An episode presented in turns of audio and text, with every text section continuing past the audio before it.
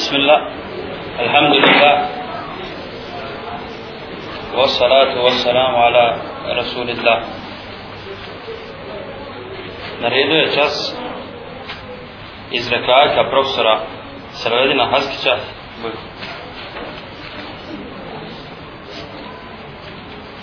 أعوذ بالله من الشيطان الرجيم. بسم الله الرحمن الرحيم. الحمد لله رب العالمين. والصلاة والسلام على أشرف الأنبياء والمرسلين.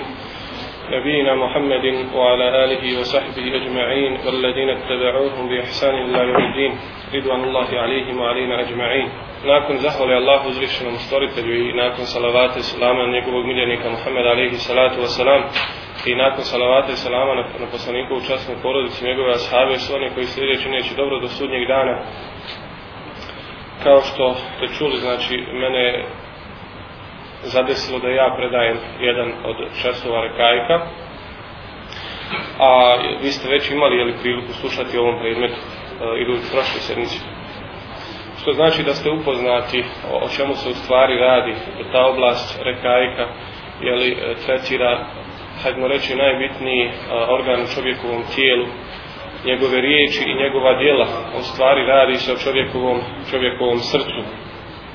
I naravno da u ovom vremenu u kom živimo a inače u svakom vremenu bez obzira kako muslimani jaki ili slabi bili bitno je govoriti o čovjekovom srcu, o onome što se dešava jeli, u njemu. Međutim, ono što je bitnije kada se govori o tome jeste govoriti o tome kroz Kur'an i sunnet Allahovog poslanika alaihi salatu wasalam odnosno kako su o tome e, govorili gospodar čovjekov, onaj koji je stvorio čovjeka i njegovo srce koji najbolje poznaje ono što je u njemu, što ono može, koje su situacije kada ono treba, jeli, djelovati kada se treba suspremnuti i tako dalje. Znači, Kur'an i sunnet su eh, veoma bitni kao što kaže Allah subhanahu wa ta'ala ela ja'lamu man halaka wa huwa latiful khabir a kako da ne zna onaj koji je stvorio on je o svemu dobro obaviješten. Znači, ako nam iko može reći o našem srcu jeli to je e, to je svakako e, naš gospodar koji kao što kaže e, ja'lamu kha'inata al-ayni wa ma tukhfi sudur koji zna ono što oči jeli kriomice gledaju i ono što prsa kriju i skrivaju. Zato kažem, govoriti o srcu je veoma bitno, a između ostalog spomenut ćemo neke razloge zašto jeli govoriti o tome. Nama je poznato da kada je Allah subhanahu wa ta'ala poslao svoga poslanika Muhammeda alaihi salatu wa salam, jedna od prioritetnih njegovih zadaća jeste upravo bilo čišćenje čovjekovog srca. Teskijetu nefsjeli, to se e, kod nas prevede kao čišćenje duše, a u stvari misli se jeli i na čišćenje čovjekovog srca. Jer Allah subhanahu wa ta'ala kaže وَلَّذِ بَعَثَ فِي الْأُمِّيِّنَ رَسُولًا مِنْهُمْ يَتْلُ عَلِهِمْ آيَاتِ وَيْزَكِّهِمْ وَيُعَلِّمُهُمُ wal hikma." Kaže, on je neukima poslao poslanika od njih kojim uči njegove ajete da ih očisti, yuzakihim, da ih očisti, odnosno njihova srca i tek poslije dolazi da ih poduči knjizi i mudrosti, odnosno da ih poduči Kur'anu i sunnetu Allahovog poslanika, alaihi salatu wasalam. Zato je veoma bitno da čovjek prije nego uđe u e, proučavanje, izučavanje Kur'ana i sunneta, da bi se mogao koristiti što više od toga, pročisti svoje srce. I zato su islamski učenjaci uvijek govorili el edebu qable la ilm. Znači da se čovjek okiti tom etikom ili bontonom prije nego krene u nauku i znanja. Tog bontona, tog morala i etike nema znači bez čovjekovog čistog srca. Zato s tog aspekta ono nije uzalud je li to čišćenje došlo prije učenja Kur'ana i sunneta, odnosno mudrosti. Također, jedan od razloga zašto govoriti o srcu stalno i uvijek je što je to čovjekovo srce u stvari organizator cijelog njegovog života. Ono je to koje određuje čovjekov e, tok e, na ovom dunjaluku. Ono je to koje određuje kako će se postaviti u određenoj situaciji i tako dalje. Kao što kaže Ebu Hureyre radijallahu anhu da je tijelo vojska, a srce je vladar ili komandant te vojske i kako srce je okreni, tako će se i ona ponašati i tako će, tako će ići. Dalje, mi živimo u vremenu, kao što smo rekli, kada su mnogi ljudi zapostavili jeli, svoje srce, njegovo stanje. A recimo, na drugoj strani ćemo vidjeti da su se e, pozabavili nekim stvarima ili čak nekim pitanjima u islamu, u šerijatu, koja su možda pitanja koje dolaze nakon dosta vremena druženja, izučavanja Kur'ana i Sunneta i raspravlja o njima često puta se pojave jeli, svađe i tako dalje, dijalog koji nije šerijetski. Zašto? Zato što je prije toga bilo potrebno razgovarati, razgovarati srcu. Sljedeći razlog jeste kada pogledamo stanje nas, jeli, u našoj bližoj i daljoj okolini, negdje u svijetu, svugdje, vidjet ćemo razno razne probleme među muslimanima. Kako običnim ljudima, tako i među učenim jeli, ljudima koji e, su proveli svoj život izučavajući islam, ali nekada se pojave jeli, ti problemi. Ali hajde govorimo sada o nama, o nama običnima, jeli, i, i kada se vratimo na razloge ili uzroke tih naših problema, vidjet ćemo uglavnom da ćemo se jeli, vratiti vratiti na problem našeg srca.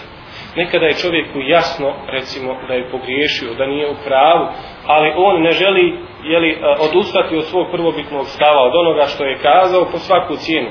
Jeli zarad e, svoga ja, zarad svog digniteta i tako dalje, što je u stvari samo jeli, jedna, jedna šetanska varka, jedno lažno predstavljanje i čovjekove ličnosti i, i, i snage njegovog ja i tako dalje.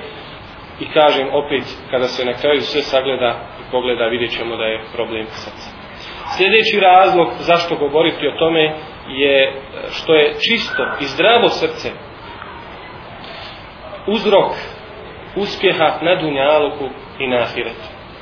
Kaže jeli Ibrahim alaihi salam Rabbi la tukzini jevme yubathun jevme la jenfa malu wala benun illa men atallaha biqalbin salim. Gospodaru nemoj me jeli ostaviti na dan kada će biti proživljen na dan kada neće od koristi biti niti imetak ni djeca kada će uspjeti samo onaj koji Allahu dođe čistog srca srce koje je prije svega čisto od širka, idolopoklonstva, koje je čisto od rijaluka, koje je čisto od lice mjestva, od razno raznih bolesti jeli, koje napadaju čovjekovo, čovjekovo srce. Takvo će jeli, uspjeti na onome, na onome svijetu, a sigurno da će posjet, postići sreću na ovom. Dalje, sljedeći razlog je jedna Eh, interesantna izjava, mada je jeli, dosta islamskih učenjaka koji su dijelili to mišljenje od Abdullaha ibn Abi Džemrije, poznatog islamskog učenjaka koji kaže volio bih da ima neko od uleme, od učenjaka koji će se posvijetiti samo govoru o srcu da ljudima pojašnjava bitno srca, njegovih dijela, njegove uloge u svemu tome, da govori jeli, o stvarima koje se moraju gajiti u tom srcu, izgrađivati i stvari koji se mora čuvati i koji se mora očistiti srce. Kao što imamo u Lemu jeli, koja govori o fikhu, koja govori o akidetu, koja govori o ostalim islamskim disciplinama i naukama. Znači da imamo samo neku koji će nam o tom, o tom govoriti. Naravno, opet kažem, danas u ovom vremenu u kom živimo i stvari kako se dešavaju odvijaju, odvijaju mnogi od nas bi rekli da to nije pametna, pametna ideja. Ali, kada kažem, ako shvatimo bitnost uticaja srca na čovjekov život, na njegovu vjeru, na njegovo ponašanje, onda će nam sasvim jasna biti je li izjava ovog islamskog učenjaka. Pogotovo kada on na kraju te izjave kaže da kada pogledamo naše probleme vidjet ćemo da a, uzrok se vraća na samo jedno, a to jest zato što smo zapostavili, zapostavili oblast. Da ne spominjemo jeli kuranske ajete i hadise Allahovog poslanika alaihi salatu wasalam koje govore koliko je šarijat potencirao, potencirao jeli na čovjekovom srcu da se očisti, da se sačuva od tih svih bolesti. A na kraju krajeva e, iman i vjerovanje jednog muslimana, jednog vjernika, najvažniji njegov dio jesu upravo ta srčana djela, njegova iskrenost, nijet, strah, nada, tevekul, oslonac na Allaha, takvaluk i tako dalje. Znači, to je temelj srž čovjekovog, čovjekovog imana tog zdravog srca. A onda sve poslije što dolazi, je li taj rezultat koji imamo u vidu namaza, posta, zekijata i tako dalje, to je samo jedan osjećaj da se mora izraziti ono što je u čovjekovom srcu, a je li naravno e, i zato što Allah subhanahu wa ta'ala je li naređuje, naređuje to. I mi u ovom mom času govora o srcu više ćemo se e, obratiti na nešto što se zove ispitivanje čovjekovog srca stavljanje čovjekovog srca na iskušenja. A fitnet u arapskom jeziku, vjerovatno ste čuli, jeli znači čišćenje i pročišćavanje. Kada se zlato jeli, e, čisti i želi se izvaditi iz njega i odvojiti e, iz njega ona prljašina, to se u stvari naziva isto fitnet u jeziku, u arapskom jeziku. Isto tako, to srce kada biva stavljano na to iskušenja, ono se želi pročistiti. Želi se e, od njega da ostane čisto, bez ikakvih jeli, bolesti koje ga mogu napasti. Da bi nam to bilo jasnije, spomenut ćemo jedan e, primjer koji se desio za vrijeme Allahovog poslanika alihi salatu wasalam. A Allah subhanahu wa ta'ala u Kur'ani Kerimu ga spominje kao e, jednu od situacija gdje se desio taj ispit čovjekovog srca, to iskušenje na koje je bilo stavljeno. U stvari radi se o, o, o događaju koji se zbio među dvojicom najboljih ashaba. Inače, dvojica najboljih ljudi poslije poslanika. Radi se o Ebu Bekru i Omeru radijallahu anhu. Znači nepotrebno je spominjati njihove vrline. Znamo da je poslanik Alihi salatu wasalam za Ebu Bekra kazao da ga niko nije više pomogao od njega, ni, ni metkom, ni, ni žrtvovanjem svojim životom i tako dalje. A za Omera opet kaže da kada god Omer krene jedne, jednom stranom puta, šeitan pobjegne, pobjegne na drugu stranu. Znači, radi se o ljudima čiji iman je bio toliko veliki, jeli, a Ebu Bekr, jeli, e, pogotovo, zna se da niko da sahaba se nije mogao natjecati sa njim po bilo kom pitanju. I jednoj prilike kada kod poslanika alaihi salatu wasalam dolazi jedno pleme ili zaslanstvo tog plemena, jedna delegacija, pleme se zvalo Temin, I sada naravno nakon što ih je Allahu poslanik alejhi salatu vesselam podučio nekim osnovnim stvarima, treba odrediti čovjeka koji će biti zadužen za to za taj narod koji će biti jeli vođa ili emir kako se to tada zvalo i sada ashabi Allahov poslanika alaihi salatu wasalam daju svoje prijedloge savjetuju se sa Allahovim poslanikom i kaže e, Abu Bekr radijallahu anhu neka to bude El-Qaqa ibn Ma'bed Znači, ashab Al-Ka'ka ibn Ma'bed, neka on bude taj koji će biti glavni. Međutim, Omer radijallahu anhu ima svoje mišljenje, svoj stav i kaže, ne nego neka to bude Al-Aqra ibn Habis. I onda kaže Ebu Bekr, ti si htio samo da meni proturječiš. Da kažeš nešto što je suprotno mišljenje. Kaže on, nisam tako mi Allah. I onda su se oni počeli raspravljati kod Allahovog poslanika, alihi salatu wasalam, povisili ton, počeli se, jeli, derati i vikati i onda dolazi kuranski ajet ja ejuha alladina amenu la tarfa'u aswatakum fawqa sawti an-nabiyyi wa la tajharu lahu bil qawli ka jahri ba'dikum li ba'd an tahbata a'malukum antum la tash'urun o vjernici nemojte je li podizati svoje glasove iznad glasa Allahovog poslanika i nemojte se njemu riječima obraćati kao što se jedni drugima glasno obraćate da vam ne bi propala vaša djela a da vi to i ne osjetite kada je objavljen ovaj kuranski ajet je li nastao je tajac I zamislite tu sada situaciju. Dvojica najboljih ljudi u umetu, šta su uradili? Znači, samo su glasno govorili i glasno raspravljali.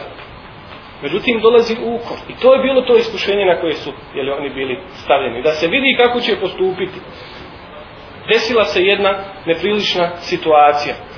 A pogotovo neko će reći, pa dobro, nije to neka velika stvar. Ali za njih je bila velika. Pogotovo kada se u Kur'anu kaže da vam ne bi djela propala da vi to i ne osjetite.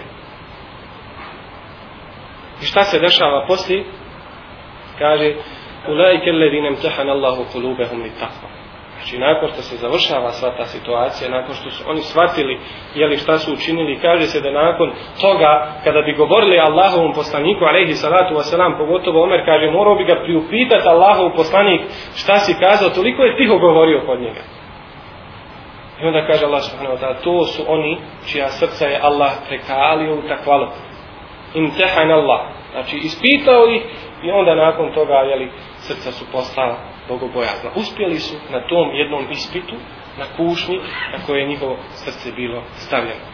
E onda, jeli, shvatamo o čemu se u stvari radi. Da mi svakodnevno, jutrom, večeri, bivamo stavljani na ta naša iskušenja sa našim srcem.